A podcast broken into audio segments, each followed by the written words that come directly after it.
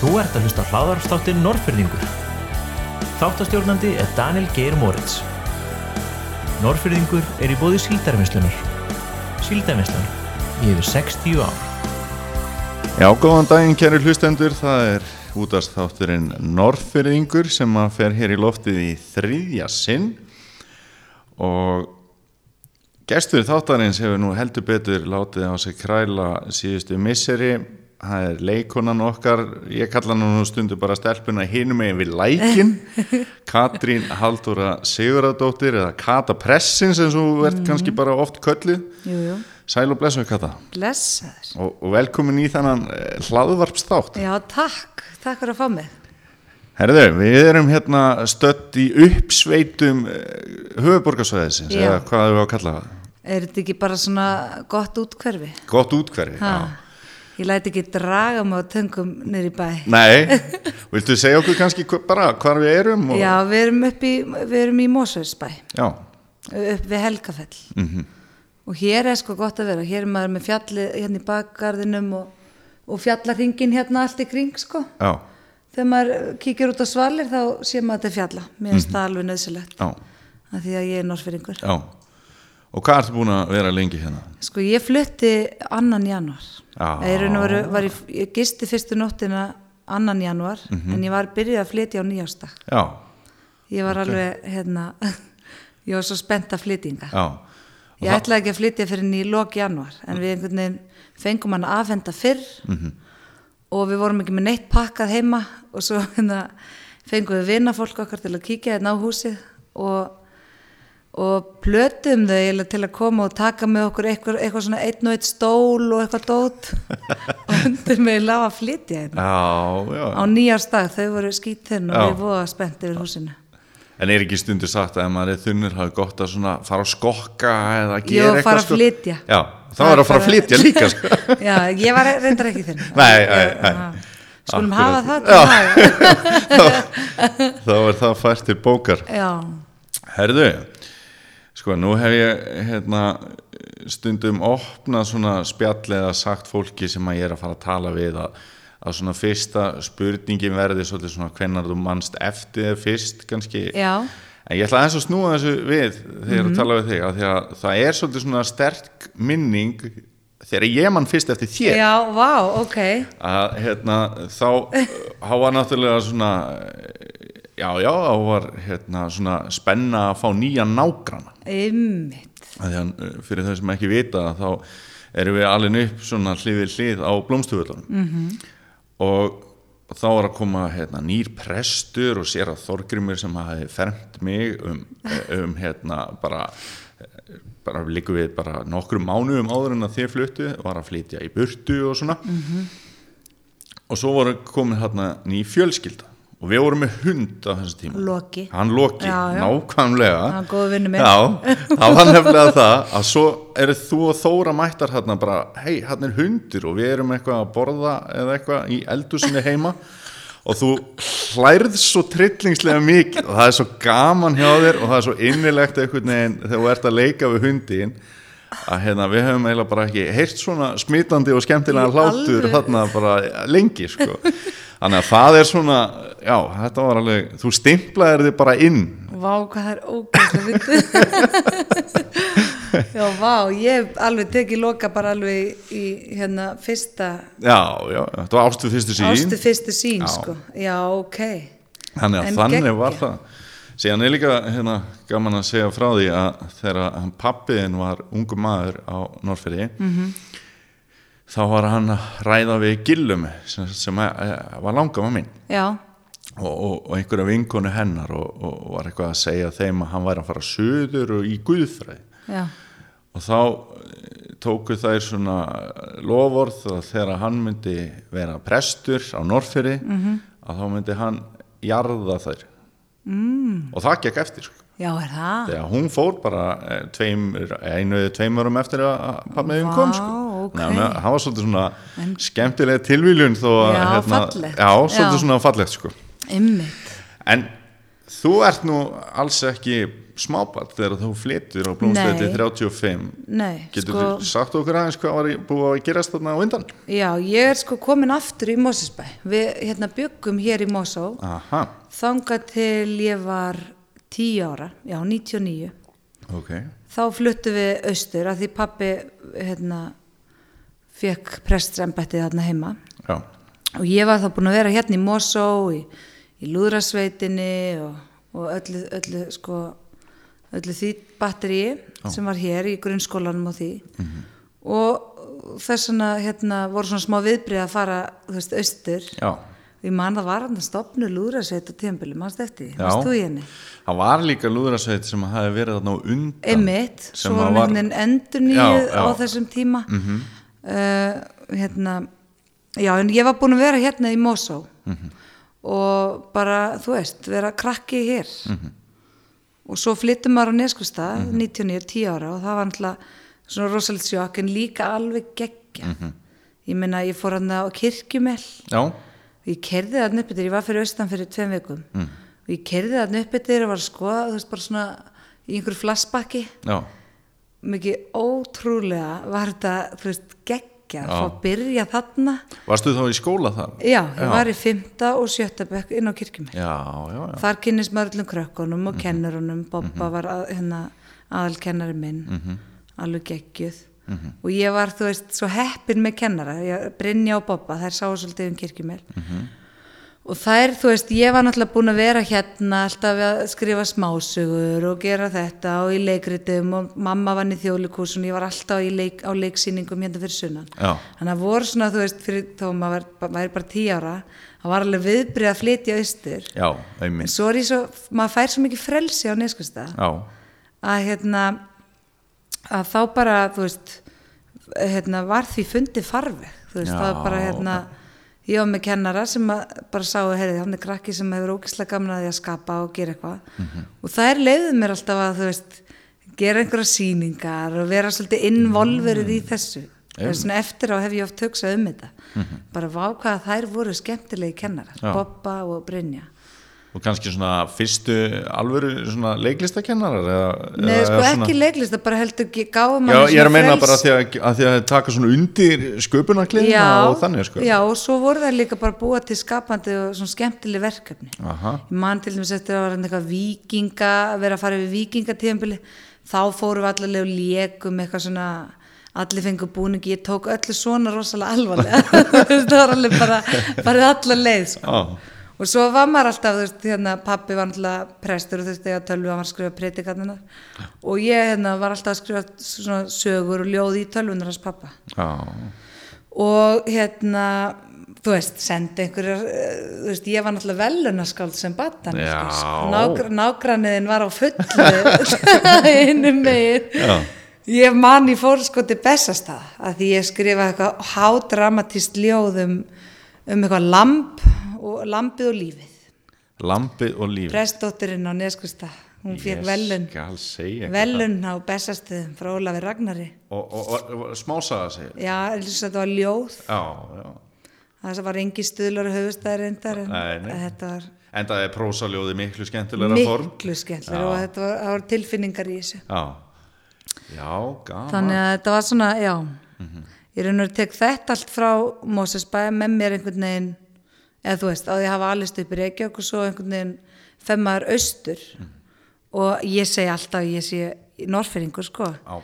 ég er, ég er alin upp þar. Þú veist, Já. ég á mestu minningarnar og bestu þaðan. Já, þannig að ég er, ég myndi ekki segja að ég væri, þú veist, mósfellingur Nei. ég er fyrst og fremst austfyrringur og Hva- hvað hérna var mamma henn að gera í þjóðleikusinu hún var í miðasölinni já, þannig að hún var þú veist að hérna bara taka við pöntunum og bóka sæti og allt þetta.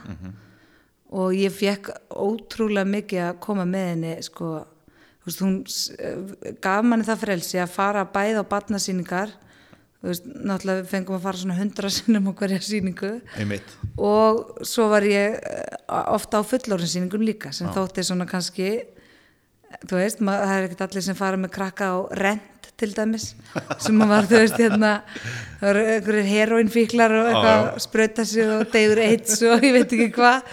Og ég kom svo heim og svo lekið þetta allt sko, já. með fransískinu mín og þetta var, það var svona hádramatískar uppsetningar heima í stofu í jólabóðum að horfa á hérna, Þóru og Kötu Þóra leik mann, Þóra leik Helga Björns ég var svona ofta leikstýri þessu sko og hérna, Þóra leik Helga Björns og, sem var að gráta yfir nínu sem hérna, dóur ofstórum skamti Já, Þó, Þóra ætti raun að vera að vera leikona sko. já. Ah. er hún alveg með þetta í sér? já, já, hvort hún er Já, en þú veist, ég skal bara gera þetta meðan hún þorrið ekki já, það er mitt já. Magnað, sko en svona í þjóðleikusinu þú veist, maður hugsaði um það þá man ég að maður hugsaði sko, já, að ég hef einhvern veginn alltaf haft þessa hugmynd að ég ætla að vera leikona Ok, og það hefur aldrei neitt annað uh, þú veist, komið að. Nei, eða komið stað sko.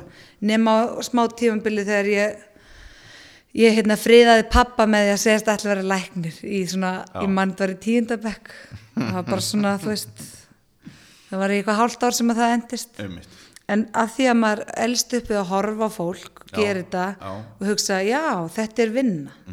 Þú veist, að vera leikari er vinna ég má þetta.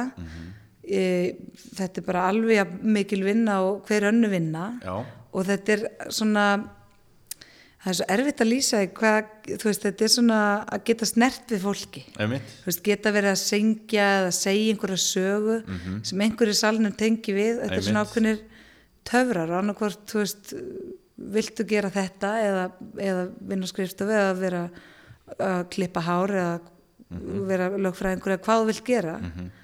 Og ég hef alltaf bara viljað þetta. Veist, það hefur, hefur aldrei veist, oft vex þetta af krökkum sko, þessi fjölskyldubóð og aðteglisíkin en ekki að mér. Nei, ekki mér heldur. Nei, nágrannanir eiga það sam, sammeilegt. En hérna ok, og svo hérna taka við svona úrlingsár og svona og, og það svona eins og þetta var þá hefur það svona verið mín upplifin allavega svona leiklist og þannig hafi kannski verið pínu á skortum skamtið þegar við erum úrlingar Já, hún var það.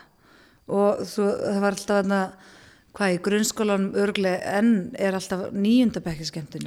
Það var svona stæsta, Já, þú veist, ég man akkurat. að maður var alveg í sjöundabekk að hlakka til að það verði. Mhm. Einmitt. Þú veist, eitthvað svona. Já, og það var svona lagt mest í það og sem er bara ógeðslega gaman Mhm.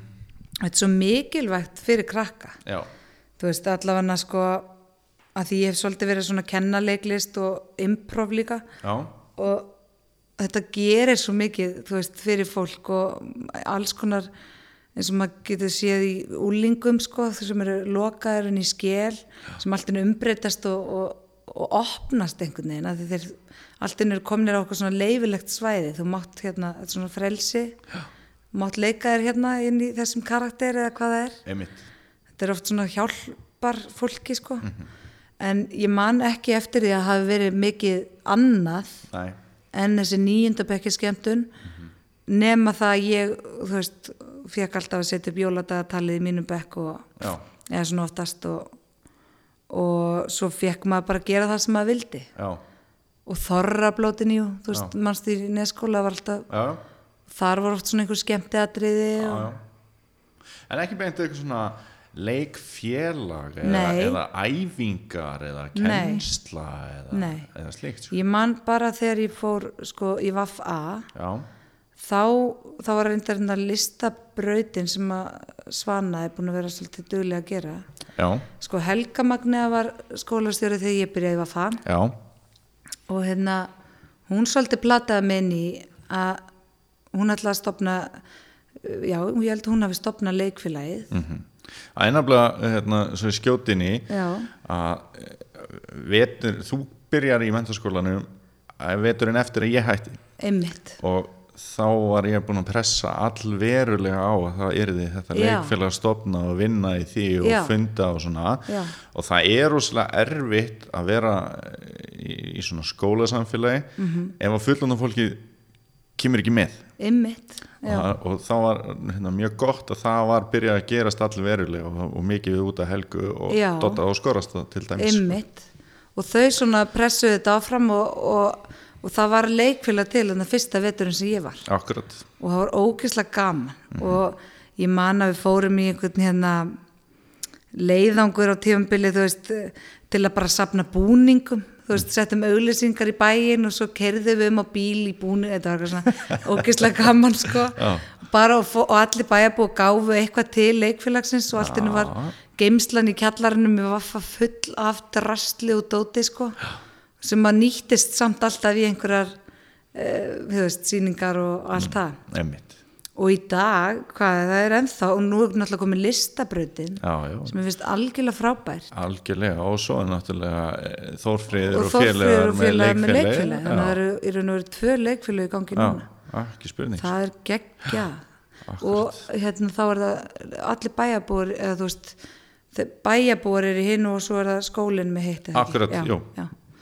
þetta er náttúrulega alveg geggja. En það var alltaf leikfélag heima Já, bara þegar maður er að sjá hérna, bara myndir veist, eins og það Lalli á skorrastað Já. sem er svona ákveði legend í svona leiklistinni heima Einmitt. og eitthvað sem að maður hefði mikið náhuga á einmitt, og það var svona, af hverju er þetta ekki núna sko? Já, já. en hérna þetta bara átti ekkert að vera þarna Nei. það er einhver ástæða fyrir Já. því og það er alltaf bara frábært að það sé komið aftur já það er náttúrulega ég man við, þú veist, það voru settar upp einhverja sýningar og svo fór maður svona þú veist, meira verið í einhverju stjórn og eitthvað svona og svo, ég, maður klára skólan svo fljótt sko. Já, og svo er maður bara útskrifaður og, og þú veist, svo var ég flutt söður já, en hérna mér finnst bara algjörlega frábært ef að það er þessi svona þú veist, hvað getur maður að kalla þetta bara reyfing í bænum Já, og fólk já. hafi áhuga að koma og mæta á svona viðburði og já, ég held einmitt að, trúlega gaman að það sem er alltaf mikilvægt veist, þau gætu verið að standa sér rosalega vel, setja upp einhverja flotta sýningu og eitthvað, Mhm. það verður ekki neitt nema einhver mæti einmitt, og það er náttúrulega oft sem einhver hefur dáið hér og þar um landið og annar stað bara ef, Mhm. Já, að- já. ef það er ekki áhærendur en mér skilst það að fólk sé bara mjög duglegt að mæta og þetta sé bara að slá í gegn sko.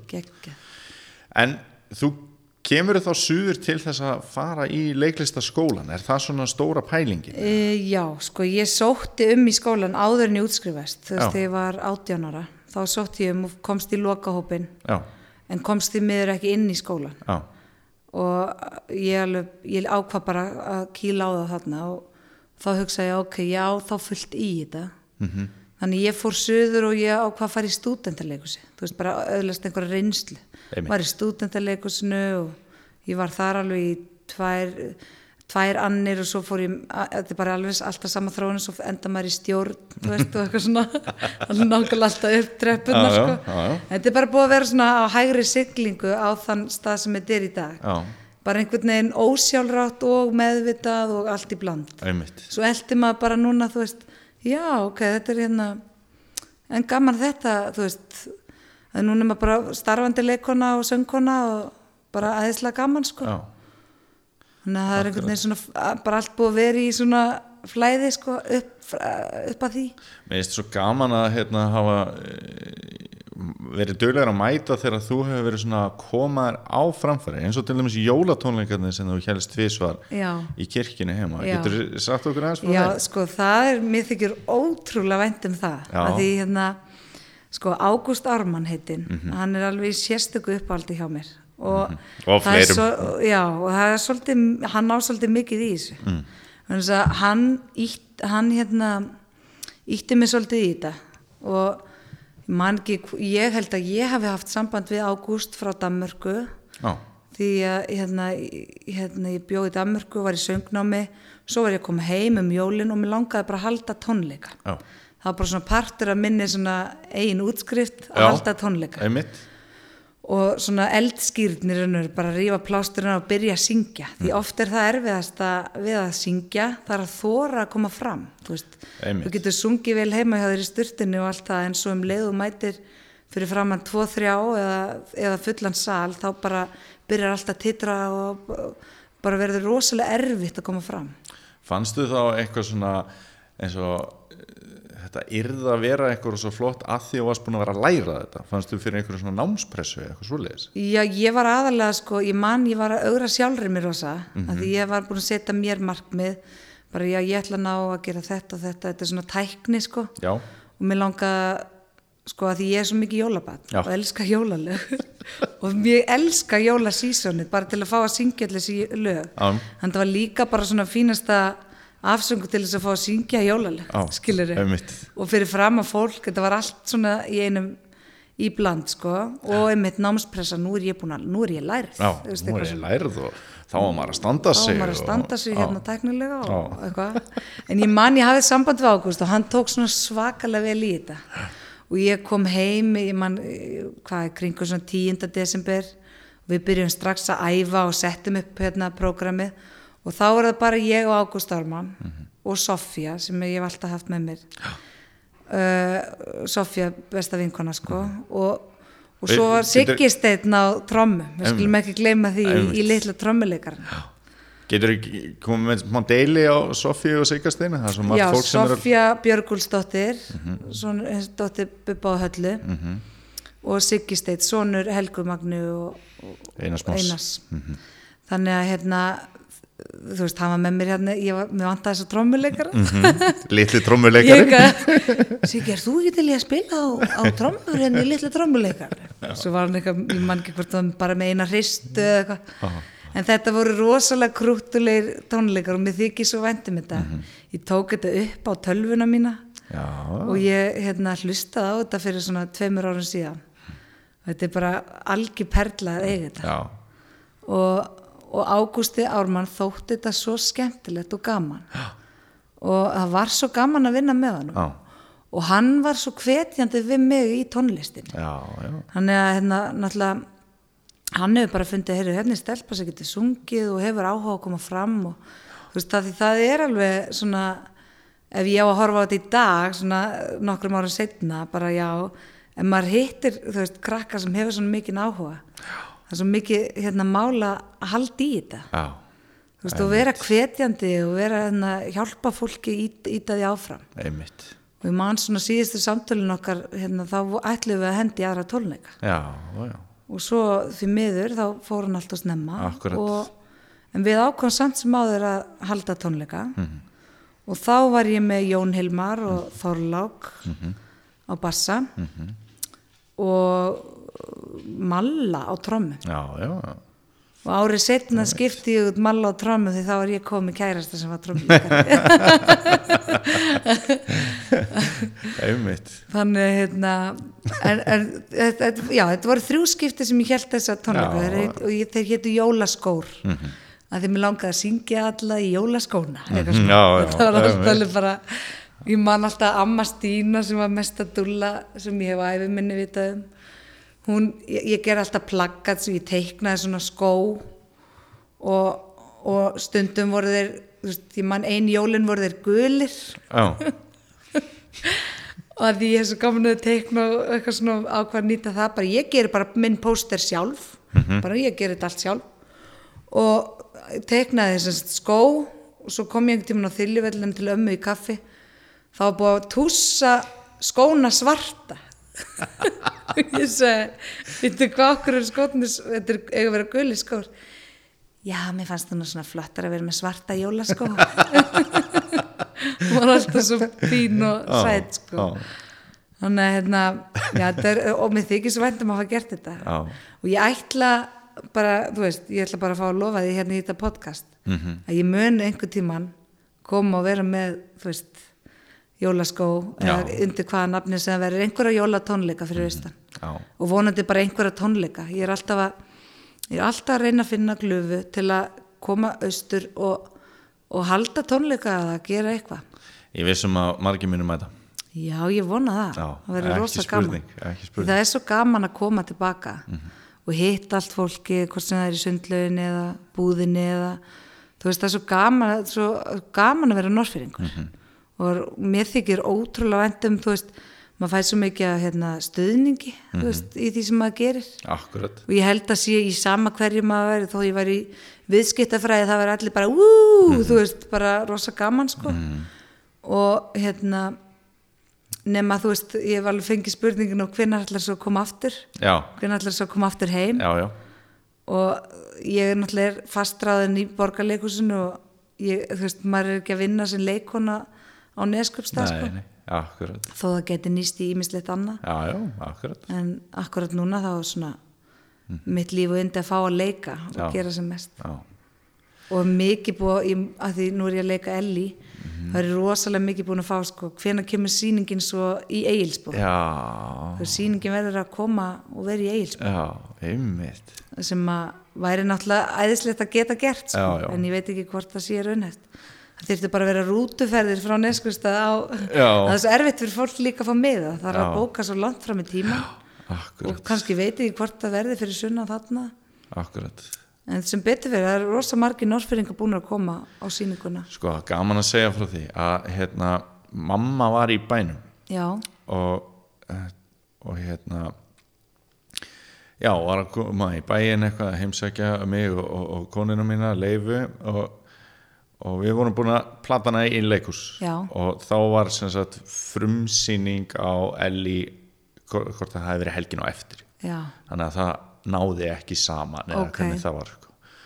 og hún var eitthvað að hafa orð því að hún hefði svo gaman að því að hún geti komið Mhm. og, og, og farið á Elli og eitthvað og alltaf að reyna að koma þá setna og eitthvað já, en þá fór ég nú aðeins að, að skoða málin betur já og þá voru lausir miðar á loka æfingu ok, sem við skelltum okkur á. Á generalbröð og, og mamma var þá á leiðinni á allt aðra annar leikrið Mm. til sögum en ekkert frá því sko.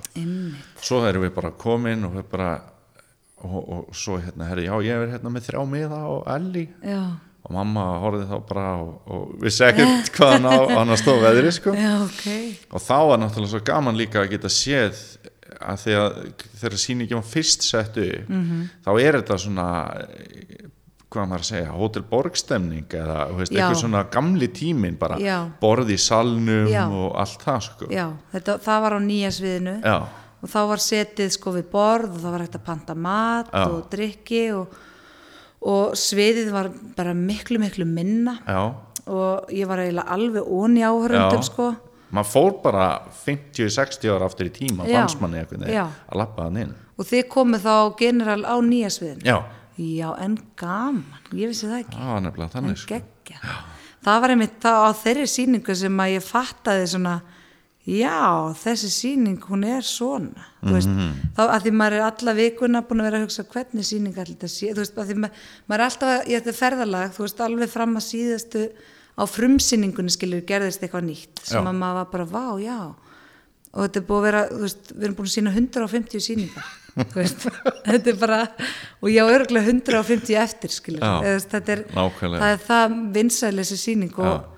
Og, við erum búin að vera í pásu núna frá því í mars því að það er búið að vera að sína svo þétt aðrar sýningar á sviðinu Já. það þurfti bara að rýma sviðið, Rocky Horror þurfti að koma að staða Mhm. -hmm.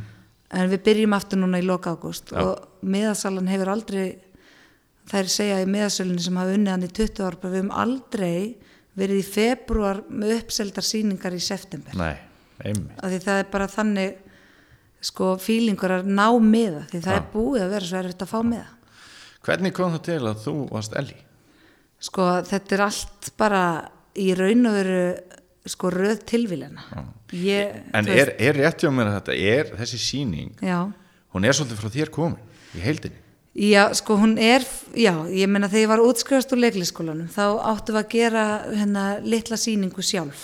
Alveg frá grunni, þetta var bara eitt á svona loka verkefnum Já. að geta verið sjálfstæðu listamaður líka. Já, og, og ég hef náttúrulega alltaf verið mjög skapandi og í skrifum og, og þú veist að leikstýra og ég var, örgulega eftir að fara í það einhver tíman en hérna ég var náttúrulega búin að vera í söngnámi langt áður en ég fór í leikarnámi og sem betur fyrir fekk ég góða söngkennar og svona í skólan þannig ég náði alltaf að halda því við söngnum. Já. það lokaðist ekki bara á það. Já þá í leiklista Já, skólanum að því ég, þú veist, var búin að vera hann til Danmörku, fór svo í FIH og komst svo inn í skólan í leikaranámið. Og þá fannst mér svo sorglegt að ég var búin að ákveða að ég ætla að vera söngkona. Já, mér fannst allt einu svo sorglegt að ég þurfti að kveðja það þú veist, eins og maður Já. gæti ekki verið bæði. Einmitt. Svo í skólanum fattaði ég, heyrðu ég er auðvitað bara get, gert bæði þú veist, maður verður svo rugglaður sko. Þá langar mig að minna þig á mannin sem þú talaður um að Þóra hafi leikið á hann, hann Helga Björnsson. Helgi, nákvæmlega. Svo dæmi séu tekin sko. Nákvæmlega. Og Þóra leik hann svo vel. Nei, en hérna ég, þú veist, var búin að hugsa eitthvað svona og svo var svo margir búin að segja við mig þú er svo lík Elli. Og eitthvað svona og ég ætla að elska lögin hennar Eljar og söngðu rosa mikið í FIH og svona. Já, og ég ákvað bara, ég var búin að lesa æfisögnunar Eljar sem Magga Blöndal skrifaði. Og ég hugsaði, hérna mér langar bara að gera sýningu um Elli. Já, ég hef 20 mínúna ramma og ég ætla að gera æfisögu Eljar á 20 mínútum sem ég náði nú að, lengja í hálftíma. Og þar söngi einhver fjög, fimm lög og fór svona hratt yfir hennar æfi og náða, náða að gera svona já, henni bara mjög góð skil. Já, fekk Þóru Karitas sem er leikona og, og var í ritlist til að hjálpa mér að skrifa og Odd Júliusson vinn minn til að vera svona augu og leikstýra mér. Já, og var með heilt band og þetta var æðislega skemmtilegt að gera þetta. Það erfiðast sem ég gert. Og þessa sýningu hugsaði ég alltaf með mér já, svo þegar ég er útskrifuð leikona þá ætla ég að fara með hana í leikhúsin og ég ætla að selja leikhúsunum þessa hugmynd að treysta mér fyrir að gera þetta. Já, en röð tilviljana þú veist, Gísli Örd sem er Vestuport fórsprakkin leikar og leikstjóri hann var búinn að vera með hugmynd í maður lengi um að gera sýninguna um Elli ég hafði ekki hugmynd um þetta. Nei, hann hafði ekki hugmynd um hver ég væri sko. og, og hérna þetta er raun og veru sama hugmynd á sama tíma. Já, já, og hann kemur án þess að ég vissi á Elli þessa litlu sýningu sem ég geri. Og þá var hann með hugmynd sko að gera sjómastátt sem hétt Leitin að Elli já, og þá þar ætla hann að vera með audition og konur, söngkonur með og hver myndin reppa hlutverki eitthvað svona. ok, og, og eftir hann sá þessa litlu sýningu mína þá eiginlega bara blés hann það allt já, af einmitt, en helviti á hann og sagði mér þetta ekki fyrir en árið setna ég var alltaf bara að býtu ok, svo sagði litla stelpan hans hún var að leika með mér í róa hetti. Hann, hann réði mér í róa hett til að sjá hvernig þetta geti leikið og eitthvað svona. Já, og hérna og ég er að tegja með henni svona í uppbytun og þá situr hún og segir svona þú ert að fara að leika Elli ég ha? Já, þú ert að fara að leika Elli Vilhjálms. Ég bara byrju, hvað er þetta að tala um? Pa pappi var að tala um það heima ég við eldúsborðið þannig að þá var það einhvern veginn svo hérna, staðfesta komin hjá mér og ég væri að fara að leika já, lítil eiru hafa líka mun, Nefnilega, þetta er svolítið, þetta, mér finnst þetta svo fyndið og ég hafi frétt þetta svona. Það og svo árið setna þá, þá bara erum við sko farin á fullt og en þetta er búið að vera svolítið langur prósess, Elli er búin að vera með mér í raun og veru núna í einhver fimm ári já, því ég byrja að gera þetta litla verkefni fyrir, fyrir mjög langur fjórum, fimm tími, árum og ég man ég var allt sumarið að- í research og skoða og æfisagan og svona. Og það er eiginlega það sem ég hafði með mér inn í svo stóru sýninguna. Já, já, að ég þekkti Elli út og inn Já. af því sem ég hef kynst henni sko. öll viðtöl sem ég hef heyrt við hann á lesið og æfisagan og fengið sko bónusinn þegar ég gerir stóru sýninguna var að fá að kynnast svo fólkin hennar. Já, strákonum hennar mána og nökkva einmitt, indislegir menn og sko badnabötnin hennar. Margir sem hjálpuðu mér mjög mikið. Já, en það sem er skemmtilegast núna er að hérna fá svo viðbröð fólks Já. veist, sem að til dæmis þekkti Elli já, og þeir söður nú strákarnir hennar Eljar Mónu og Nökkvi. Ég held að það hafi verið Nökkvi sem kom til minn eftir frumsýningu og sagði ég skil ekki hvað þú varst að gera að því það var náttúrulega svo stressandi fyrir þá líka að sitja og horfa okkur á manneski verið að leika mömmu sína. Einmitt, hérna bara, hann sagði hérna, ég skil ekki hvað þú gerðir, þetta var svo ókvæðinlegt hérna, þú gerði mér þessi einhvern svip sem mamma gerði já, sem ég held að ég vissi bara hvernig væri þegar var þegar hún var að skamma mig þá sett hún hennar svip upp. Þannig að það var ég alveg vá, hún er einhvern veginn komin sko, hún er búin að setjast það vel í mig sko. Já, þetta er bara allt um líkjandi bara, já, þetta er svolítið skemmtilegt. Hún hefur bara örgulega verið svolítið með mér já, í gegnum þetta. og ef að hún myndi sko vera á lífi þá segja nú flestir að hún hefði bara svolítið fussað og, verið svona öss hvað verið að setja mér svona hátt já, undir einmitt. En, en verið líka mjög stolt sko. já, og þetta er mögnu kona. Já, ótrúleg bara forréttind að fá að leika hana. Já, og fá, og fá að leika konu, hvern aðal personu mhm, það er það sem ég er mjög stolt af. Já, og svona það sem að ég held að sé mjög mikilvægt Mhm. að því með fullri viðringu þá erum við bara búin að vera, þú veist, sko að horfa á sögur kalla í Já, svo mörg ár og kallmenn sem aðalhlutverk og konur alltaf svona hérna, object of desire eða auka hlutverk en nú eru konunar að mæta kallir já, nákvæmlega.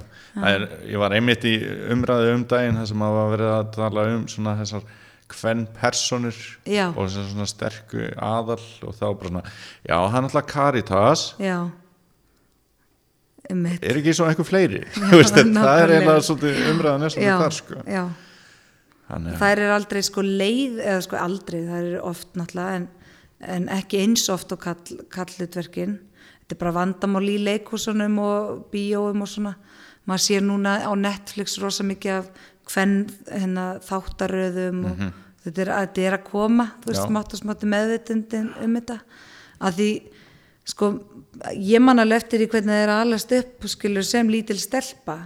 Maður verður líka, þú veist, það eru litla stelpur sem að horfa á sjónvarp líka. Já, og já, þú veist litli strákar og stelpur og úlingar og allir sem verða eiga sínar fyrirmyndir sko. já, já, akkurat það er fyrirmyndi verða að vera fyrir alla Já. báðum, báðum kynjum sko þess vegna er ég svolítið svona montin sko, og stolt af, af því að fá að vera sko, þetta er svona mitt stærsta hlutverk og það er að fá að vera svona eh, hvern persóna í, í Mhm. aðalhlutverki sko, það sem að mér fannst áhugavert að það var svona mikið gert úr því að var það ekki í, í, í þættinum hjá Gísla Marteini? Og þar ætti að svifta huluna af því hver væri Ellie. Já, og svo kemur bara svo til einhver stelpa. Þannig að þú ert ekki þjóðþægt nei, minna Þa, þarna allavega, nú öllu þekktar í dag. Og, og hérna og þá var svolítið svona jú, þetta var hún söng hérna lokalagi í skaupinu þú hefði fengið það Já. þarna undan. Kannski svona eh, og ef þú getur saminað tvö svör sko, hvernig kom það til að þú söngst þetta lokalag? Já, og hvernig fannst þið svona tekið að það væri bara einhver stelpa Ellie Williams? Já sko, lokalagi kom bara út frá bara, þú veist, ég var bara beðin um, um það sko. Og bara ókysla gaman. Og, og það nefnir ekkert orðin sko neitt þekktur. Nei, bara hver, hver var að leikstýra því sko? Þetta var sem sagt fósbræðra einmitt. sem að það var svona fósbræður blanda við Já, fleiri. mhm. það sem er indriðið sló í gegn aftur Já, og, já, og, og meira fjör já. og það var ótrúlega gaman og, hérna, og skemmtilegt en þarna svona vita fáir svona hver maður er og allt það. Já, og svo náttúrulega ég var búin að fá, fá vita þú veist einu og hálfu ári áður en ég leik Elli að ég væri að fara að leika hana en ég mátti engum segja. Mm. Já. þannig ég var búin að vera að býta mig í handabakið að sko, guðmund góður fá að segja þetta einhverjum. Og tungan bara eins og svisneskur ostur bara, algjör bara rugl. En hérna, að ég var svo ótrúlega spennt. Já, en sko pressan við að leika Elli já, er bara svo svakaleg. Já að ef að það hefði komið heyrðu, þessi er að fara að leika Elli eða hérna uh, hérna þá, þá hefði strax komin einhver dómur að það. Já. Bara Katla Margrét er að fara að leika Já, Ellie sem að, með dættur hún í huga þegar hún er í sýningunni sko. einmitt. Þú veist, það var veist, það einhver hefði- svona þekktur já, og- hún er nú svona svona eða svona svona. Og, þá, og þetta líka bara byggir upp svona skemmtilega spennu. Já, að því Ellie er allra og það er eitthvað sem ég er búin að fá að kynast mjög vel eftir að ég er búin að fá að leika hana Já. það eiga hana allir hún er á svo rosalegan stað í hjörtum allra sko flest allra Mhm. þetta er hérna engin allra en, en þetta er svona það eiga hana allir Mhm. og þetta var bara gert bæði fyrir mig og áhörundur Mhm. að pressan er þið sko minni já, til að byrja með og svo auðvitað er þetta revílað og það veit enginn hver ég er Nei. skilur bara eitthvað, jú, einhver stelp og hróa hetti eða skaupinu Já. eða hvað það var og en, en hérna, svo þurfti ég náttúrulega bara að sanna mig Já. og sína það að mér væri treyst fyrir þessu verkefni Já. og það var eiginlega bara brandar að lesa sko kommentakerfið þegar þetta var revílað Já, hvernig var það? það var bara svona flest kommentum voru eitthvað eins gott hún standi sig eitthvað það, er- það, vonandi getur hún sungið Já. vonandi vo, þú veist það, það var bara það voru rosalega væntingar um að vonandi Já. myndi þessi Já. stelpa frá Neskupstað Já. standa sig og hérna og ég man að besta kommentu og við erum ennþá að hlæja af þessu sko leikhópurinn það er sko hérna það var einhver svona eldri kona sem kommentar Guðrún Gunnars er og verður alltaf okkar eina sanna Elli. Og það var einhver snillingur sem kommentaði undir það sem sagði uh, hérna Elli er og verður alltaf okkar eina sanna Elli. Þannig að við erum ofta að grínast með það því auðvitað hefur Guðrún Gunnars sungið Elli í mörg ár og gert alveg ópaslega vel. En svo hérna ég meina þú veist þetta er bara ópaslega fyndið, við búum á svo litlu landi sko. Já. og pressan var náttúrulega alveg svakaleg sko. Og ég fann alveg vel fyrir henni. Já, og ég, hérna, ég byrja sýninguna með bakið í áhörendur og ég fann alveg oft sko reyndar oftar á hérna, nýja sviðinu því það var bæði erfitt að fá gott sæti þar. Það var eitthvað svona miskilingu með númerinn það var ekki hægt að númera sætina þegar það var búið að selja miðana. Þannig að það var eiginlega fyrstu kemur fyrstu fær með þá miða sem að var frekar leiðilegt system. Já. því fólk var stundum að mæta 5-6 í leikhúsi. Já. ég var að mæta 6 og kom og labbaði framhjá bara röð af fólki. Það var svona gler í meðsölunni Já. og það var röð út á götu. Bara fólk að mæta á elli. Því það, að það hefði hýrt af því að það væri sörfitt að fá gott sæti. Já. Og hérna Það getur náttúrulega byggt upp svona mísjafna stemningu. Já, ég minna það voru margir sem að ég minna það var hliftin og svo að bara vera að kasta treflum á stóla og, og bara þú veist vera bara sko þvílitt bara, bara, bara sko survival of the fittest. Já, já. að fá gott sæti og Já. sumir sem fengi ekki gott sæti. Ég veit alveg hérna það var svona stundum leðilegur ágreiningur hjá miðasölutumunum og eitthvað svona. Við settumst uppi já, fenguð skjót- upp Já, skjótin æðislegt. Og hérna- þeirri röð var bætt við sko, hann að tveimur röðum uppi til að bara því það var svo opbáslega hérna, eftirvænting eftir að ná miðum. Það var bara reynd að gera til að mæt, koma til móts. Já, það það voru vist fín sæti. Já, það sem ég held að við höfum fengið með því það er að sjá skemmtistaðin betur. Einmitt, veist, Mér langaði ekkit endilega að fara á sýninguna og vera í skemmtistaðinum einmitt já, en að horfa á veist, ég á svona að fluga og vekk Já, svona að fylgjast með já, Elli sko. og, og fólkinu sem var þarna á Já. skemmtistaðinu þegar lögin voru Já. verða einhver svona hamskipti líka bara í sýningunni sko. Þá bara allt í einu er komin tónleikar sko, og svo verður þetta sögustund Já. sko. þannig að það var ógæslega gaman sko. já, gaman að heyra mm. þetta er mitt sko þetta var svo fyndið og, og, og ótrúlegt sko að fá að og börkur sem gerir leikmyndina að gera þetta að þessum stað að því, þetta svona voru staðin sem Elli var alltaf að skemmt akkurat, á akkurat og hann náðu við einhvern veginn bara þessari tímavél Mhm. að fara aftur í tíman og, og, og þetta ferðalag Já. og það var rosa gaman en svo erum við búin að færa hana núna á stóra sviði og það er algjörlega magna sko Já. mér finnst alveg svakalega gaman að leika hana á stóra sviðinu Vegna þess að það, við þurftum að stækka allt Já. Og það sem ég var hrættist við þegar við fórum á stóra þarna fyrir árið síðan þú veist, við erum að fara á þriðja leikari núna þetta er, þetta er svo langa tími. En hérna, þá var ég hrætt um að fólk myndi ekki tengjast sýningunni sem það gerði einmitt. Að það er því svona ekki eins mikið nánd Já. og svo leiðis Já. en sko nándin er eiginlega bara meiri ef eitthvað er. ok. þess að fólk setur bara rólegt það fá allir gott sæti. Já, að því ég var að segja að ég sný baki áhrendur og þá fann ég oft svona alveg bara háspennu lífshættu fyrir aftan mig. Og þegar ég sný mig við það þurfti ég svona bara treystið mér fyrir þessu, þetta verður allt í lagi og við ætlum með hérna gott kvöld og ég lofa að ég fyrir vel með hana. Þú veist alveg hérna. Og, og hérna og á stóra sviðinu er það einhvern veginn maður finnur alveg sko spennu í salna, það er allir bara eftirvænting. En svo er allir bara miklu slakari sko og allir með opin hjörtu og er bara að fá að njóta sýningarna mm -hmm. Sumi fengu ekkert endilega þú veist gott sæti þarna niður og svona, það var bara mismunandi. En hérna en það er alveg dásanlegt að sína hana til dæmis svo stóra því hún opnar alveg á alla tilfinningar alveg jafn mikið á, á litlu sviði.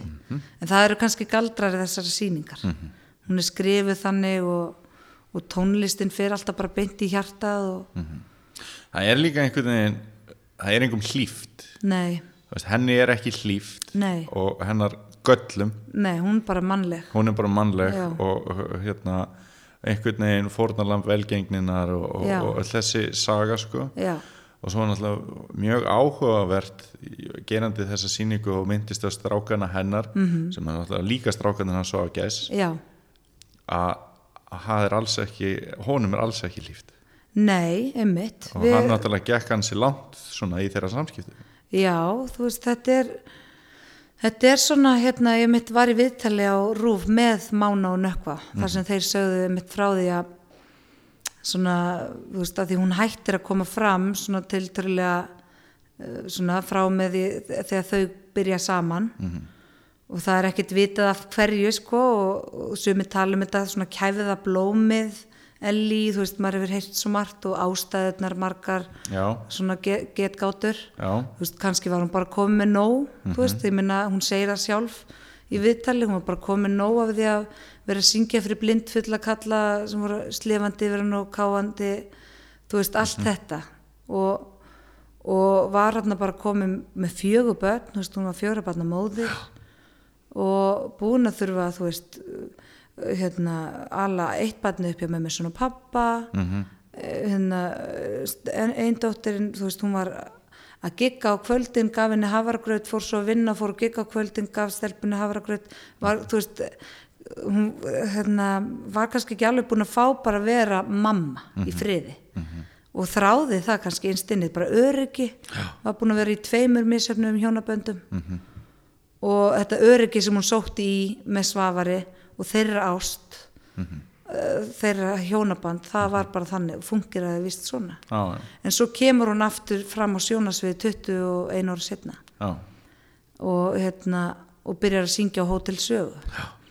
og það er svona veikindi þeirra beggja sem blandast líka inn í hann fekk krabba megin mm tvisvar, hún fær krabba megin tvisvar og, og, og deyr svo úr því.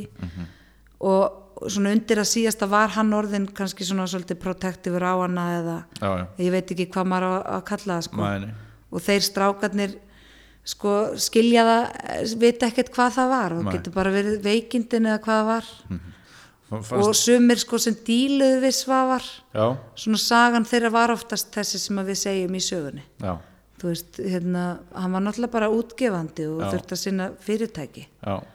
Og þú veist, það var bara business. Það náttúrulega verður til að verða svona vinslit hjá honum og bróðurinn já, vilja Já, það var svolítið, hérna, þeir töluðist ekkert við sko. Næ, en þeir, þau, gáðu hann út plötur saman og svona. Já, og Svafa var náttúrulega sko frábær þetta er frábær karakter Svafar því hann gaf út brandarabækur þú veist, hann, ég man ekki hvað marga brandarabækur var með sjómasþátt en var samt alltaf svona loku típa, Já. þú veist, og svona introvert. Já, og hérna og, og svona þjóðþekkt það var svona, já, kannski svolítið hemmi gunn sína kynsluðar já, en, en hérna svo ein, eins og við, við tókum út úr sýningunni undir lokin, það var ein sena sem að fekk að fara. Mm. það sem hann er að brenna eða farga dótin hennar. Já, og hann gerði það, þú veist, þegar Ellie dó þá ætluðu strákarnir að fara að gera upp búið, eða veist og, og þá fun- fannst ekki neitt og þeir sögðu það sjálfur það, það bara, þeir viti ekki alveg hvað bara, hvað það var kannski bara þurfti hann, pappið þeirra að hreinsa og losa sig við allar þessar minningar eða, eða hann vildi bara fólk myndist hennar eins og hann var já. ekkert vera að grú- grúska í hennar gömlu dagbókum og myndum og eitthvað Hvernig tá- tóku þeir því að grípa í tónt? Já, þeir bara, þú veist, ég held þeir hafa bara tekið því eins og það var sko. Já. Náttúrulega nýbúin að missa mömmu sín og Það er ekki verið auðveld. Nei, örgulega ekki. Nei. Og svo einhvern veginn bara ok, það, svona er bara lífið. Jóngnar Já, talaði um það þegar þeir voru búin að gera kvikmyndina Bjartfreðarsson að þá var búið að gera nætuvaktina, dagvaktina, fangavaktina og Bjartfreðarsson að hann væri búin að raka skallan og Georgi Bjartfreðarsinni núna í mörg ár. Já, og það án þess að sé akkurat það sem þú ert að gera varandi. Elli já, en hvenar heldur að svona næsti kapli fari kannski að koma sko við sínum Elli fram að áramótum allavegna Mhm. og, og þá fer ég að æfa nýtt leikrit sem Já. að heitir Mattilda já, og það er söngleikur fyrir hérna, fjölskyldur Mhm. og það verður alveg dásamlegur söngleikur mm -hmm. að, þú veist að þekki allir söguna um Mattildu ég mann okkar kynslu að horfa á þetta já. með köku atriði Bríett var sjúk í þessa er mín kynslu allan að Mattildar kynsluðin svona bí, þegar bíómyndin kom. Já, og nú er búið að gera söngleik sem er bara þvílitt vinsæll á Broadway búin að vera í mörg ár. Mhm. og loksins fekk borgarleikusi réttin til að setja þetta upp. Og þar er ég að fara að leika sagt, Miss Honey sem er uh, kennarin hennar Mattildu, góði kennarin Mhm. Og það verður ótrúlega fallegu söngleikur. Þannig að það er svona kannski ég er búin að vera að leika í farsa núna og, og ófærð í allan vetur og það kemur í sjónvarpinu. Já, ok. En svo hérna er, var ég í farsanum síningi sem klikkar, það var svona nýtt sem tók við eftir Elli já, en ég held að bara sko ég raun og veru Elli á allt eftir að vera með mér. Og ég á aldrei eftir að geta slitið við þetta. Nei.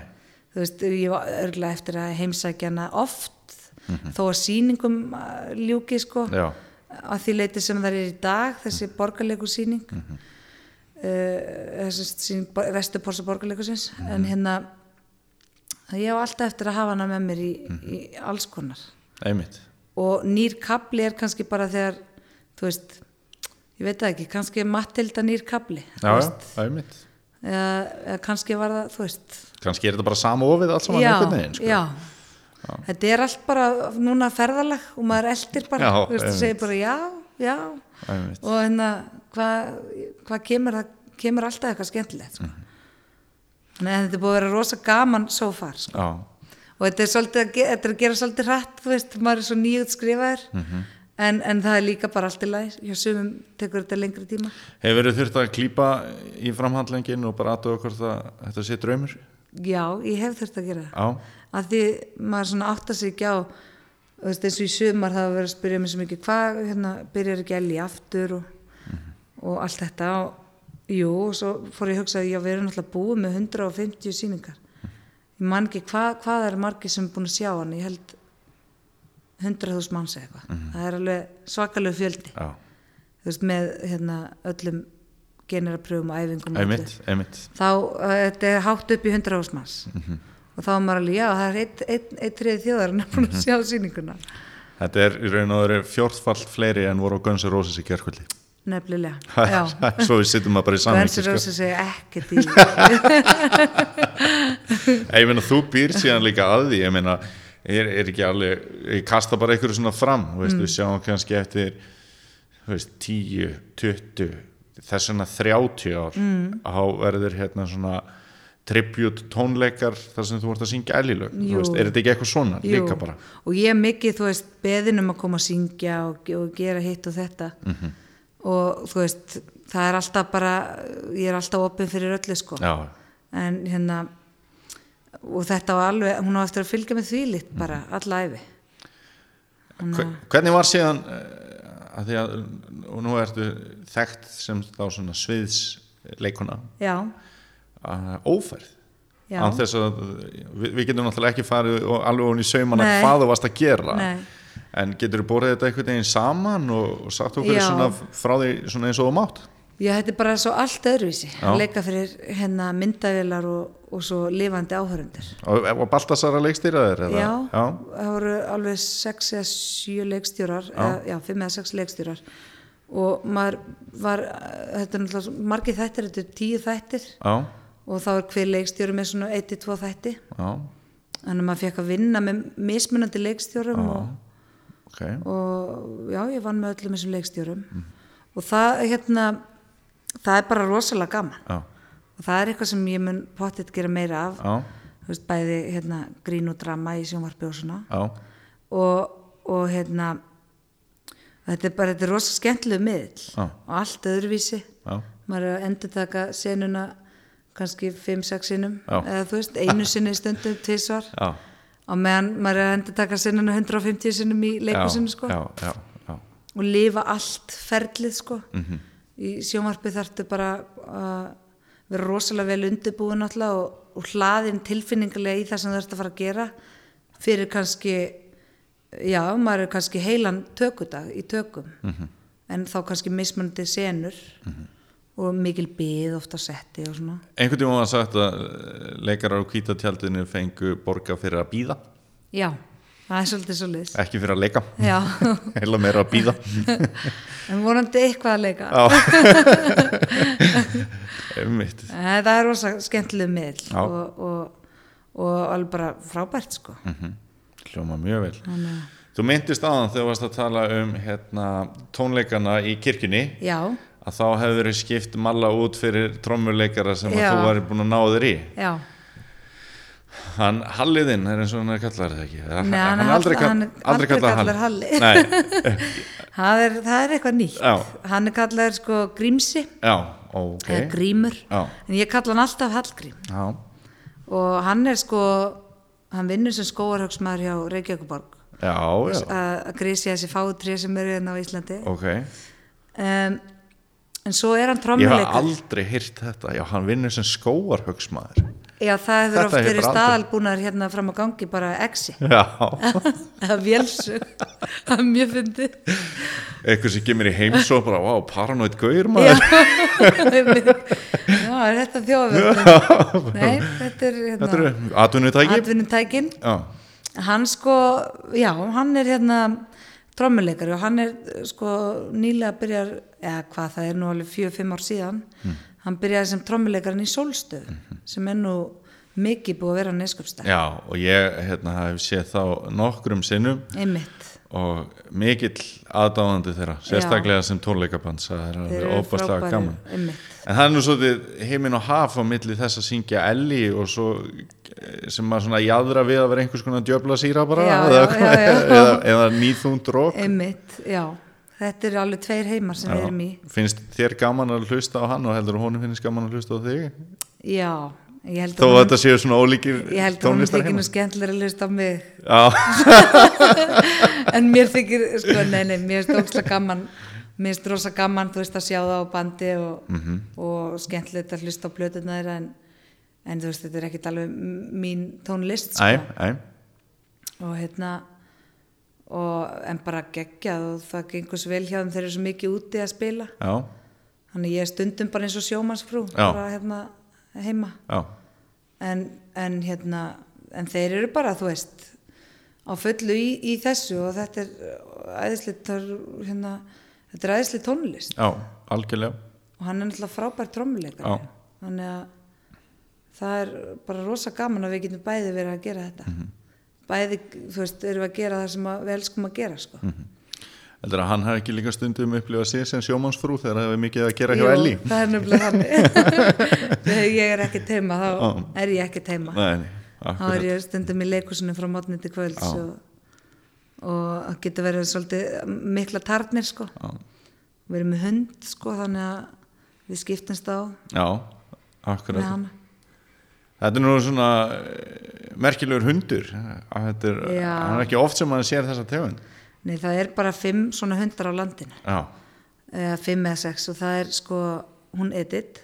Við fluttum hann inn frá Fraklandi og svo er mákona mín með jökul. Ok. Og við erum svona að vona að kannski einhvern tíma koma kvolpar já, til þess að hérna, verði fleiri svona hundar hérna á landinu. já, það var eitt gott fyrir svona átta árum. Og það er einhverjir hundar eftir úr því goti. Ég held að það séu svona sex hundar þannig þetta er alveg undir tíu hundar á landinu af Old English Sheepdog tegundinni. Ok. Og við erum bara svo, er, þeir eru kallaði loðnir trúðar, þeir eru svo rosalega rólegir svona heima fyrir en geta verið algjörir trúðar líka. Já, og það er bara ógislega gaman að eiga hund. Hún hjálpaði mig fullt með textan fyrir Elli. Já. fara út í göngutúr og, og fara við textan og öllum lögunum og allt svona.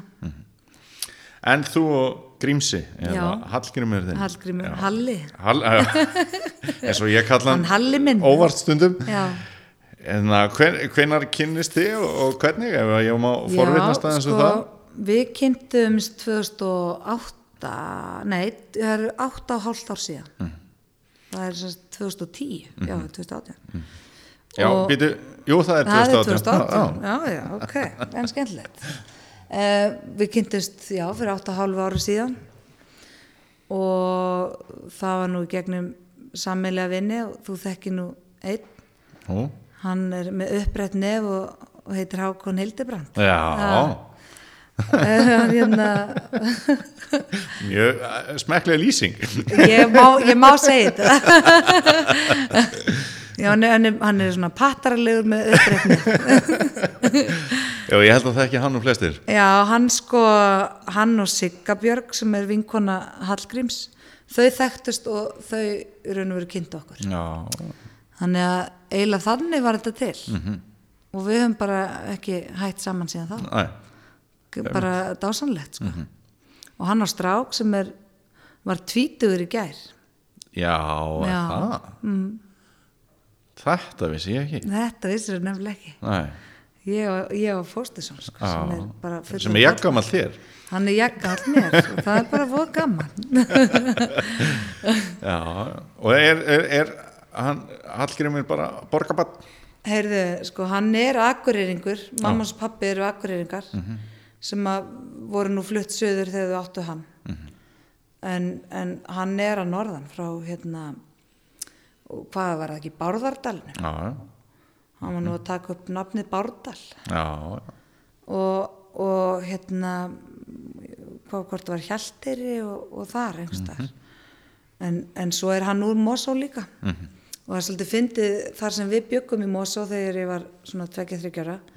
Þá hefur Hallgrim verið í bílskunum að að drekka landa. Eiginlega á móti sko. Já, já. bara hi- hinn í göttunni þannig að við erum bá, bæði þú veist úr Mosó en hann var sem úlingur í Mosó sko. ég skil. Þegar, ég, þegar mamma hitti Hallgrim fyrst þá sá hann já ég veit nú alveg hver þú ert.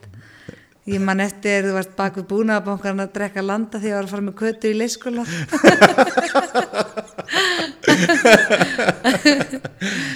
að hérna já hún man alveg eftir húnum um Mosó sko. Já, það er þetta frábær viðkynni sko. það var mjög skemmtileg fyrstu kynni. Mjög gott. Herri, mér langar eiginlega bara svona svona í lokin á þessu spjalli já, að svona spyrja þig aðeins svona út í framtíðina. Já. þú ert nú verið svolítið búin að koma inn á það. Mm þú ert að fara í, í svona nánustu framtíð í þessi spennandi verkefni. Já en bara kata bara eftir 20-30 ár. Já, vá hvað verið þá? hvað hva, þá er ég 50-60 60 Já, búin að, að hérna, ég gera svona já, bróðupartin af þinni starfsæfi og Já. Allt þetta og hvernig serðu hlutina? Eða ertu, pælur aldrei svona eða? Jú, sko, ég hugsa oft, sko, eh, nú er ég að gera eitthvað sem ég elska að gera. Já, og ég fæ rosa mikið út úr starfinu mínu og því sem ég er að fá fást við, sko.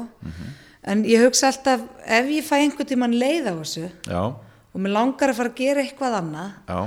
þá, hérna, ætla ég að gera það. Já, Eða, þú veist, maður á aldrei að festast í einhverju bara af því bara. nákvæmlega. Og þá hérna vona ég að ég verð allavega bara þú veist ánað í því sem ég er að gera þá og þegar vonandi bara búin að fá að leika ógeðslega mikið og syngja og, og þú veist komið 20 börn og þú veist. Ég hugsa bara já, og 50 án fóstusson já. Ég hef náttúrulega orðin langamma 50 það er bara þannig sko. Já, Nei, ég held að bara, þú veist, maður er að hugsa framtíðina bara að því ég er svolítið mikið að vinna með, þú veist, það kemur sem kemur. Já, og núna er ógeðslega mikið að gera og svo einhvern tíma verið minna að gera og svo aftur meira að gera, bara eins og þetta er. Já, og alls konar verkefni sem koma og, og fara. Og maður er bara opinn. Og segja já og, og já og kunna líka segja nei. Nei mitt að því oft er uh, mikið beðið um eitthvað sem maður bara getur ekki gert. Uh, vonandi bara verð ég þú veist, ég verður ekki ennþá að leika Elli samt. Nei, einmitt. Í borgarleikusinu En, ef við vil spáum hérna, heima hana Já. þá fjörðin sem að eh, fjö- já, fjörðin okkar bara. Já, er eitthvað svona ákveðin staður eða eitthvað svona ákveði í fjallarhingnum eða eitthvað ákveðin viðburður eða er eitthvað svona er eitthvað svona ákveði sem þú hugsa svona nú er ég komin heim eða nú er þetta svona þetta er norðfjörður minn eða. Já. eitthvað svona er, er eitthvað svona já, sem að snerti þér sérstaklega þegar þú kemur heim? Já, það er sko, mamma pappi það er svo stóri glukkar í stofunni. já, alveg svona rísastóri glukkar og alltaf þegar maður veist, kemur heim alltaf, þetta byrjaði þegar maður kemur inn fjörðin og náttúrulega, ég var að keiri gegnum göngin í fyrsta skipti fyrir tveim vikum alveg geggja, þú veist þessu landsvíðin kom austur. Af því eiginlega eftir að amma dó sem var fyrir einu hálfu ári þá, það er allt öðruvís að koma austur. Hún var svo góð vinkonur, ég var svo mikið hjá henni og maður var svo, laði svo mikið upp úr því að, að ná að koma til að hitta ömmu. Og nú er náttúrulega mamma pappi þarna ennþá og allt það en svo bara líka miklu meira að gera þannig að maður hefur ekki tíma. En þegar ég kem austur og eins og ég kom núna um daginn þá það er svo gott að fara í gluggan heim í stofu og horfa bara út um gluggan mm -hmm. horfa á speil, sléttan fjörðin uh, fjallið alla kallana í fjöllunum bara fjallið beint á móti. Þetta er, það er svona uppáhaldið mitt. Þá, þá er ég, já, nú er ég komin og allur ringurinn, fjallarringurinn sko. Og núna tók ég hundin með mér sem var- ég hef aldrei gert áður og fór að labba svolítið mikið. Já, og það var náttúrulega bara geggja. Fór rosa mikið upp á Varnagarða og þar. Páskahellirinn. Ég var í rosalegu nostalgíu kasti sko. já, það var alveg geggja. En það er þetta að horfa á fjallið. Og Einmitt. bara þá er ég komin heim frábær loka orð í Já. þessu spjalli Kata. Eh, takk kærlega bara fyrir spjallið og, takk fyrir mig bara. Og hérna, ég ætla að fara að gæða mér hérna á þessari köku sem Heyrðu, þú ert þú að bjóða ekki upp á. snert á kökunni. Æ, nei, nú er ég tilbúin sko. Nú á að jöð í sig já, já, Hva, hvað ert að bjóða upp á? þetta er fransk súkulega kaka. Sæll og blessaður. Herði, við segjum það. Heyrðu, Ok. bara þangað til næst. Já, bless, bless. Já, bye